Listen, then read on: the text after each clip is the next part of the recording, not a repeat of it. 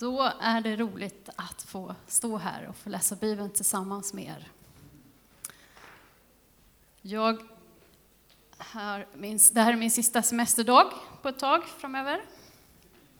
Eh, I torsdags kom jag hem från Israel där jag har varit i en månad och haft det jättebra. Och jag ska inte prata så mycket om det, därför att ni, jag har förstått att det finns lite så här jobbigheter i Sverige när det gäller det här med hur, hur vädret har varit och hur, hur temperaturerna har varit. Så att jag pratar inte så mycket om de här 35 graderna varje dag nästan. Blå himmel, inte ett moln. Jag pratar inte om det, utan vi går raskt in i dagens predikan. Jag har eh, känt att jag ville tala om Marta idag. Marta som det står om i Bibeln. Och för att ni ska känna att ni eh, inte behöver bläddra så jättemycket i Bibeln så ska jag säga att jag kommer kretsa kring två bibelställen. Dels i Lukas kapitel 10 och Johannes kapitel 11. Och då kan man undra varför. Det är för att det är där det står om Marta. Så jag vill börja också så att ni hänger med, så har jag tre delar kan man säga i predikan. Dels så ska jag presentera Marta lite grann, del ett. Sen så ska jag berätta lite grann om hur jag ser henne som förebild, och det är två delar där. Så presenterar jag då Marta, och det gör Bibeln så bra i Johannes kapitel 11 och vers 5. Där står det så här. Jesus älskade Marta och hennes syster och Lazarus. Jesus älskade Marta och hennes syster och Lazarus. Det här är en av mina, jag har många, men det här är en av mina favoritverser i Bibeln. Han älskar de här människorna. Och när man tittar lite grann på de här tre olika personerna så ser man att de är rätt så olika. Eh, Maria, hon verkar vara en sån här, eller Marta, hon verkar vara en sån här handlingarnas kvinna. Det händer grejer runt Marta. Eh, hon är intensiv, hon gör innan hon blir tillfrågad. Hon, hon är verkligen en aktiv person, energisk. Och ni får stå ut med att jag tolkar lite grann, men det är så jag tänker med henne. Och så har vi Maria då, som kanske är lite mer av en drömmare, lite fundersam, tycker om att tänka länge och har massor med frågor. Och, ja, men gå lite där och plocka blommor och ta tid på sig. Och, ja, Maria. Introvert personlighet. Och Lazarus då? Ja, honom vet vi inte så jättemycket om, mer än att han var sjuk. Och så står det så här att Jesus han älskar Marta och hennes syster och Lazarus. Han älskar den här utåtriktade, framåt, aktiva personen Marta. Han älskar den här tysta, stillsamma Maria. Han älskar Lazarus, sjuk eller frisk. Han älskar de här olika personligheterna. Han gör inte skillnad. Bibeln säger, första Samuelsboken 16, att Gud, människan ser till det yttre, men Gud ser till hjärtat. Och här ser vi exempel på det. Jesus han såg de här och han älskar dem var och en. Så var inte orolig, Jesus älskar dig. När vi läser Nya Testamentet så förstår vi att de här tre, det var några av de människor som stod Jesus absolut närmast under hans tid, när han levde på jorden. Eh, de bodde i byn Betania, som ligger strax utanför Jerusalem. Och eh, ofta så ser vi när vi läser evangelierna att Jesus, han, när han var i Jerusalem, så på kvällen så lämnade han stan och gick till Betania. Och med absolut högsta sannolikhet så gick han hem till de här syskonen, för där var han välkommen. Han kände sig hemma där. Och vi förstår också när vi läser Bibeln att det här var Martas hem. Vi kan gå till den här texten då i Lukas kapitel 10 och vers 38 och framåt. Då står det så här. Medan de var på väg, alltså de, Jesus och lärjungarna, så när de var på väg gick Jesus in i en by i Betania. Där en kvinna som hette Marta tog emot honom i sitt hem. Hon hade en syster, Maria, som satte sig vid Herrens fötter och lyssnade till hans ord. Marta däremot var helt upptagen med allt som skulle ställas i ordning Och hon gick fram och sa, Herre, bryr du dig inte om att min syster har lämnat mig ensam att sköta allting? Säg nu till henne att hon hjälper mig. Herren svarade henne, Marta, Marta, du gör dig bekymmer och oroar dig för så mycket, men bara ett är nödvändigt. Maria har valt den goda delen och den ska inte tas ifrån henne. Marta hon välkomnade Jesus i sitt hem. Den här texten har ju då genom historien använts för att peka på Marta som en, ett uselt exempel på en människa som inte har fokus på Jesus, eh, utan på allt annat. Och, eh, jag förstår Marta lite grann. Alltså för, eh, förra söndagen, för en vecka sedan, så på det eh, gästhemmet eller hotell som jag bodde på, så hade, hade, det, hade vi bjudit in en gäst som skulle komma och äta middag med oss på kvällen. Och jag hade på något väldigt märklig anledning fått uppgiften att laga maten. Jag är inte som Maria som kan trolla med fingrarna och det kommer fram de märkligaste goda rätter. Utan det blir så, ja. Och jag stod där i det här köket eh, och igen då kan jag bara säga att det var 35 grader ute och solen sken och det var jättefint väder. Men i det här köket så fanns det ju ändå en luftkonditionering så att, så att det var ju bara 25 inne i köket. Det var ju rätt så okej Eh, svalt. Man borde ju inte ha blivit dövarm, men du vet, man rör om i kycklinggrytan och man ska baka kaka. Och det var så väldigt varmt, och så, plus att jag inte kan laga mat så det är jättefantastiskt. Och så då, då var det ju vid tillfällen där man gick ut till de andra som, som var där, som bara, eh, tror ni att ni skulle kunna hjälpa mig med kryddningen av kycklingen lite grann? Så, för jag vet inte. Och, så att jag förstår Marta här lite grann, för hon hade säkert ingen luftkonditionering i sitt hem i Betania. Eh, och så att, jag, och Bo Brander, en präst och teolog i Svenska kyrkan, skrev en bok tillsammans med, med eh, journalisten Göran Skytte. Ett år med Jesus heter den. Och I den så har de skrivit så här om Marta. Det finns förmodligen inte någon syster i historien som från predikostolar fått så mycket stryk som Marta. Hon får stå i sitt kök med skam för att hon gör sig bekymmer och oroar sig.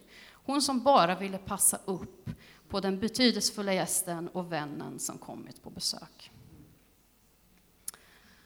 Så mycket en introduktion till Marta. Jag vill också säga att när jag liksom grävde lite kring Marta så dyker det upp en eh, tradition kring henne som då inte jag kan inte verifiera och säga att den är helt och hållet sann, men det finns en tradition kring henne att när förföljelserna ökade i Jerusalem, Jakob, en av lärjungarna, blev dödad av Herodes, det står i Apostlagärningarna, och Petrus fängslades, då står det i den, enligt den här traditionen att Marta hon flydde tillsammans med sin syster och flera andra eh, efterföljare till Jesus. De satte sig på en båt i Medelhavet och hade inga sjömän, det fanns ingen, eh, eh inget segel på båten, står det. Utan de flydde vind för våg på den här båten på Medelhavet och hamnade slutligen i Provence i Frankrike. Och där finns det lite historier kring Marta. Och jag som sagt vet inte hur sant detta är. Men den historien drabbade mig lite grann. För det finns båtar idag på Medelhavet med bröder och systrar till dig och mig. Martor och Marior och Lazarusar som lämnar oroliga områden, som lämnar förföljelse och som hoppas att kunna hitta trygghet någonstans. Och där tar jag en liten paus och så vänder vi oss till Herren och ber för dem. Är det okej? Okay? Gud, det här är en svår bön att be. Därför vi förstår inte varför det ska finnas så mycket lidande i vår värld. Men Gud, jag ber att du rör idag vid människor som flyr. Människor som måste lämna sina älskade hem, sina älskade vänner och bekanta för en otrygg flykt. Herre, jag ber att du finns hos dem, att du kommer med din frid. De som inte känner dig, att de får höra om dig, om din frid. Jesus, jag ber också för de, eh, de som handlar fel, de här människohandlarna, Jesus. Jag ber att du ska visa din sanning för dem. Att rättvisa ska få bli tydlig för dem, att de ska förstå att de handlar fel och omvänder sig. Jesus. Och så ber jag för våra regeringar, för alla ledande människor i vårt område i Europa. Jag ber om rättfärdiga lagar, Jesus. Jag ber om beslut som, som sätter människan först. Som gör att vi ser människor och ger dem ett värde. Jesus, och hjälp oss, vi som är troende, att vi räcker ut våra händer. Att vi öppnar våra hem och öppnar våra hjärtan. Tack Gud. Amen.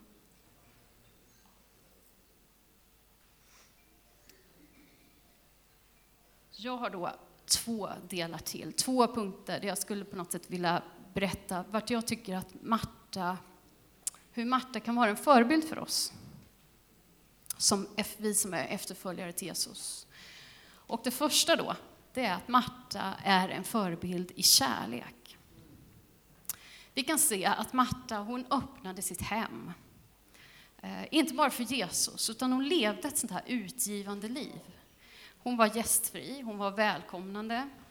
Och Jesus, det märktes då, enligt evangelierna, att han tyckte om att komma hem till Marta och hennes syskon.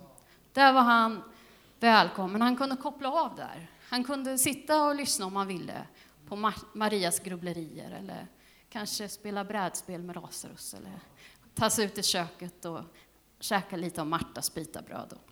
Jag vet inte. Det finns såna här människor, jag tror att ni, flera av oss har upplevt sådana människor som man bara kan vara med.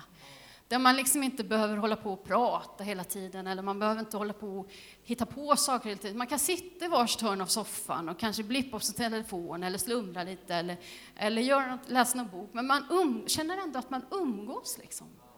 Eh, och jag tror att det var ett sånt hem som Marta hade skapat, där Jesus kunde komma och bara få, få vara koppla av.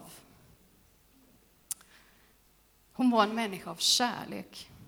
Hon öppnade dörren när Jesus kom. Jesus, kul att se dig här igen. Vi hörde att du var i Jerusalemstrakten.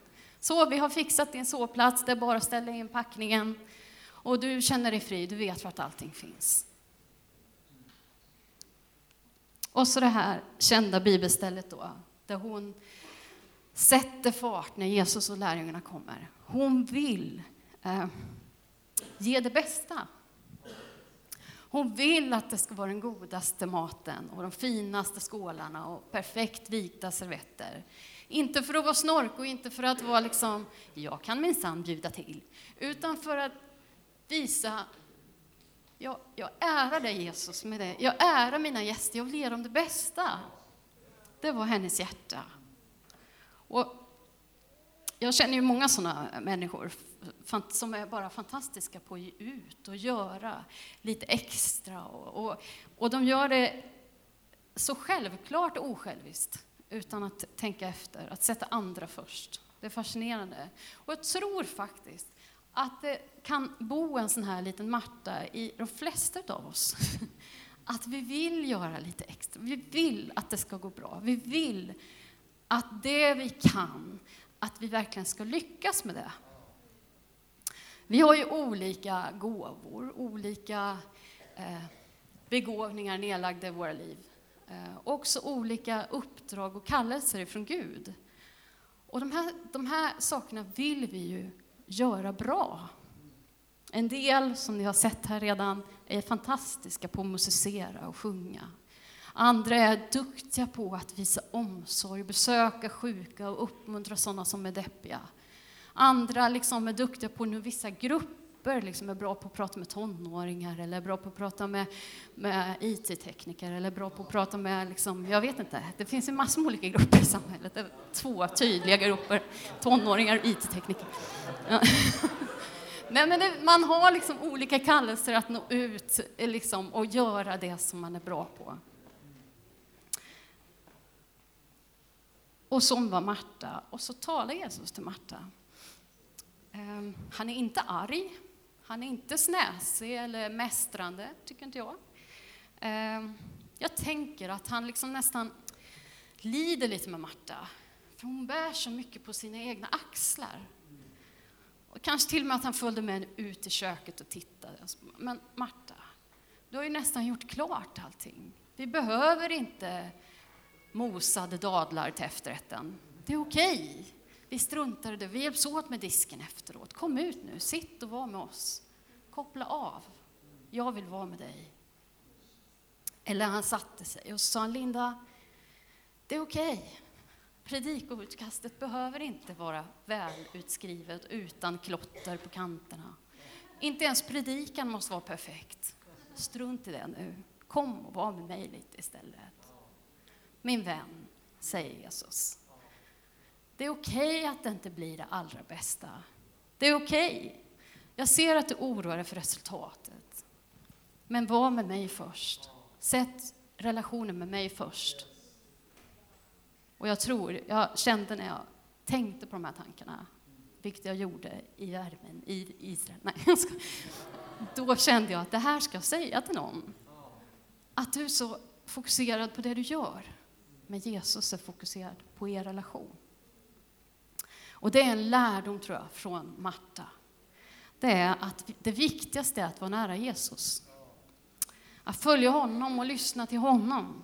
Inte ens vår kallelse eller uppgift i Guds rike är viktigare än det. Närheten till honom leder oss till att vilja tjäna honom. Men tjänandet får inte tas bort ifrån honom. Utan håll dig nära Jesus. Det andra får komma sen. Och det var därför Jesus var tvungen att prata lite med Marta. För hon var på gränsen till att uppgifterna blev viktigare än han. Marta hon är en förebild i kärlek, förebild i att tjäna och vara gästfri. Men det som också är, är tydligt är att hon är en förebild i att, att lära sig av det Jesus säger. Hon lyssnade på det som Jesus sa och tog det till sig.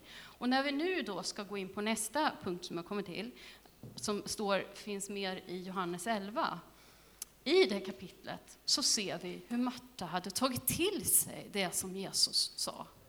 Alltså här i Johannes 11 så, så har vi hela den här historien om Lazarus som blir sjuk och dör. Och det, det är ju kris i deras hem. Och massor av folk har kommit och sörja med systrarna och gråta tillsammans med dem. Och då så är ju Marta, det är ju hennes hem.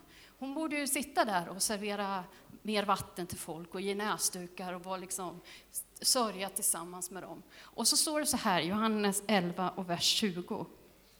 Så står det, när Marta fick höra att Jesus hade kommit gick hon ut och mötte honom. Hon hade lärt sig någonting. Visst, det är mycket folk hemma och jag är jättebra på att ta hand om dem och ge dem kärlek. Men Jesus är viktigast. Jag går ut och möter honom och lyssnar in vad han har att säga. Marta är en förebild i kärlek och i att lyssna på Herren. Det andra då är att Marta är en förebild i tro. Och det blir tydligt i kapitel 11 i Johannes.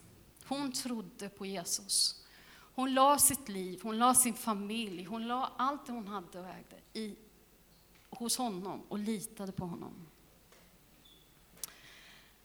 Så vi tar lite tid kring den här berättelsen om Lazarus. Han blir sjuk. Marta och Maria inser att det här är allvarligt. De ringer sjukvårdsupplysningen. De åker till vårdcentralen. De eh, ger honom vitlök och Alvedon. Nej, Bibeln säger de skickar bud på Jesus. För de tror på Jesus. De vet vem han är. De litar på honom. Och, och de vet att om bara Jesus kommer, då ordnar sig med Lazarus. Lazarus betyder mycket för Jesus. Jesus älskade Lazarus, stod det här. Så han kommer nog snabbt när han får veta att han är sjuk. Vi kan läsa från vers 4. Johannes 11, vers 4. De skickar bud. Och Jesus hörde det och sa, denna sjukdom ska inte sluta med döden. Den är till Guds ära, så att Guds son blir förhärligad genom den. Jesus älskade Marta och hennes syster och Lazarus. När Jesus nu hörde att Lazarus var sjuk stannade han två dagar där han befann sig. Sen sa han till sina lärjungar, låt oss gå tillbaka till Judeen. Lärjungarna sa till honom, Rabbi, nyss försökte judarna stena dig och nu går du dit igen. Jesus svarade, har inte dagen tolv timmar? Den som vandrar om dagen snavar inte eftersom han ser denna världens ljus, men den som vandrar om natten snavar därför att ljuset inte finns i honom. Sedan han sagt detta tillade han, vår vän Lazarus sover, men jag går för att väcka honom. Då sa lärjungarna till honom, Herre, sover han så blir han ju frisk. Ni vet, det är ju jättebra att sova mycket när man är sjuk. Då, det är bra, man går och lägger sig, sover, då blir man snart frisk. Men Jesus han hade talat om hans död. De trodde han talade om vanlig sömn. Nu sa Jesus helt öppet till dem, Lazarus är död, och för er skull, för att ni ska tro, är jag glad att jag inte var där. Men nu, låt oss gå till honom. Det här är, ett, det här är ett väldigt märkligt eh, resonemang. Eh, man får en del frågor här alltså. Varför dröjer Jesus? Varför går han inte så fort han får det här budet? Hade han inte kunnat eh, veta om Lazarus sjukdom innan och botat honom innan? Eller att han inte ens fick den? Varför säger han att sjukdomen inte leder till döden när den uppenbarligen gör det? Eh, hur kan han säga att han var glad att han inte var där? Vad är det för en vänskap? Om vi lever oss in i lärjungarnas perspektiv så måste ju Jesus ha, man måste ju uppfatta honom som ganska märklig, det han säger och gör. Han säger att sjukdomen inte leder till döden, men så gör den det ändå. Han säger att Lazarus sover fast han är död. Han säger att han är glad fast han borde vara förtvivlad. Plus att han väljer att gå till Judeen där han nyss hade blivit nästan dödad och tycker att lärjungarna ska hänga med. Och jag tänker att så där är det nog rätt så ofta för oss också ibland. Utifrån vår kunskap och vårt perspektiv så kan vi tycka att Jesus gör väldigt märkliga grejer. Eller inte gör något. Vi, han säger saker som vi tycker, det här svarar inte på min bön. Han, han hanterar saker som inte, jag tycker inte det här var riktigt vad jag hade förväntat mig. Han är frånvarande när jag tycker att han ska vara närvarande. Han, han eh, är passiv när jag tycker att han ska agera. Han, han sänder in mig i farliga situationer eller eh, frestelsesituationer eller tuffa grejer där jag tycker att han borde sätta upp en stor mur och hindra mig från att gå dit. Och det är här jag tror tron kommer in lite grann. Att tro på Jesus, att tro att Jesus som är Guds son som sitter på tronen högt över allt och alla har ett högre och större perspektiv på mig och mitt liv än vad jag har.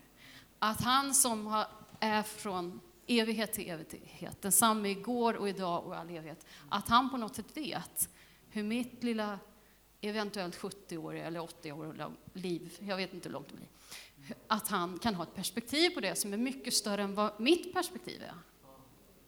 Att tro på honom att lita på att han vet mer. Ehm, och den här berättelsen är ju lite grann en, en bild av det, eller visar oss det, att han är större. Att han har ett större perspektiv. Och att tro är att acceptera det, att överlämna sig i hans händer trots att jag inte har kontrollen.